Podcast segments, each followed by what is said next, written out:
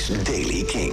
Weer een grijze bewolkte dag met af en toe wat regen en motregen. Vanmiddag is er nog regen in het noordoosten. In het zuidwesten schijnt dan de zon. Temperatuur ligt wel weer ietsje hoger. 17 graden op de Wadden en 20 in het zuiden. Nieuws over Marilyn Manson, Green Day en Into the Great Wide Open. Dit is de Daily Kink van donderdag 1 juli. Michiel Veenstra.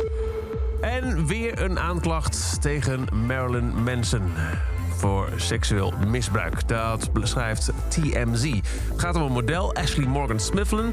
is de vierde vrouw in twee maanden die een aanklacht indient tegen Marilyn Manson. Het zou gaan over contacten die de twee hadden in 2010.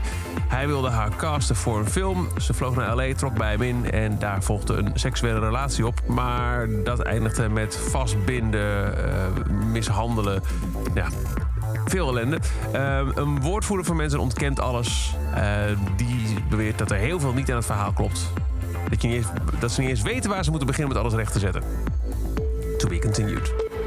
Mike Durnt van Green Day heeft nieuwe muziek geteased. Ze hebben onlangs al Pollyanna uitgebracht. Die hoor je nu veel op Kink. En vorig... Uh, vorig begin dit jaar, februari, kwam uh, Hier, Hier Comes the Shock. Um, hun nieuwste album kwam begin 2020 uit, Father of All Motherfuckers. Daarmee zouden ze toen de hele Mega Tour gaan doen. Ze hebben een eigen koffiebedrijf, de Oakland Coffee Company. En die hebben dan weer een interviewserie, die heet Morning Roast. En daarin werd Mike Durn geïnterviewd. Dus het is een beetje een interview door henzelf, aan henzelf, van henzelf. Met, uh, hey, waar kijk je meest naar uit als een van de vragen? Nieuwe muziek en onbekende avonturen, was zijn antwoord. In mei liet Into the Great Wide Open weten dat er voor het tweede jaar op rij geen festival zou zijn op Vlieland, maar toch wel. Onder de noemer Let It Happen is er een vierdaagse evenement op 2, 3, 4 en 5 september. Er mag minder publiek bij dan normaal, maar er valt meer te ontdekken dan ooit, zo zegt de organisatie. Voor een strevende muziek, kunst, kinderkunst, gesproken woord, film, er is van alles te vinden. Kaartverkoop voor Integrate Open begint zaterdag 3 juli om 12 uur.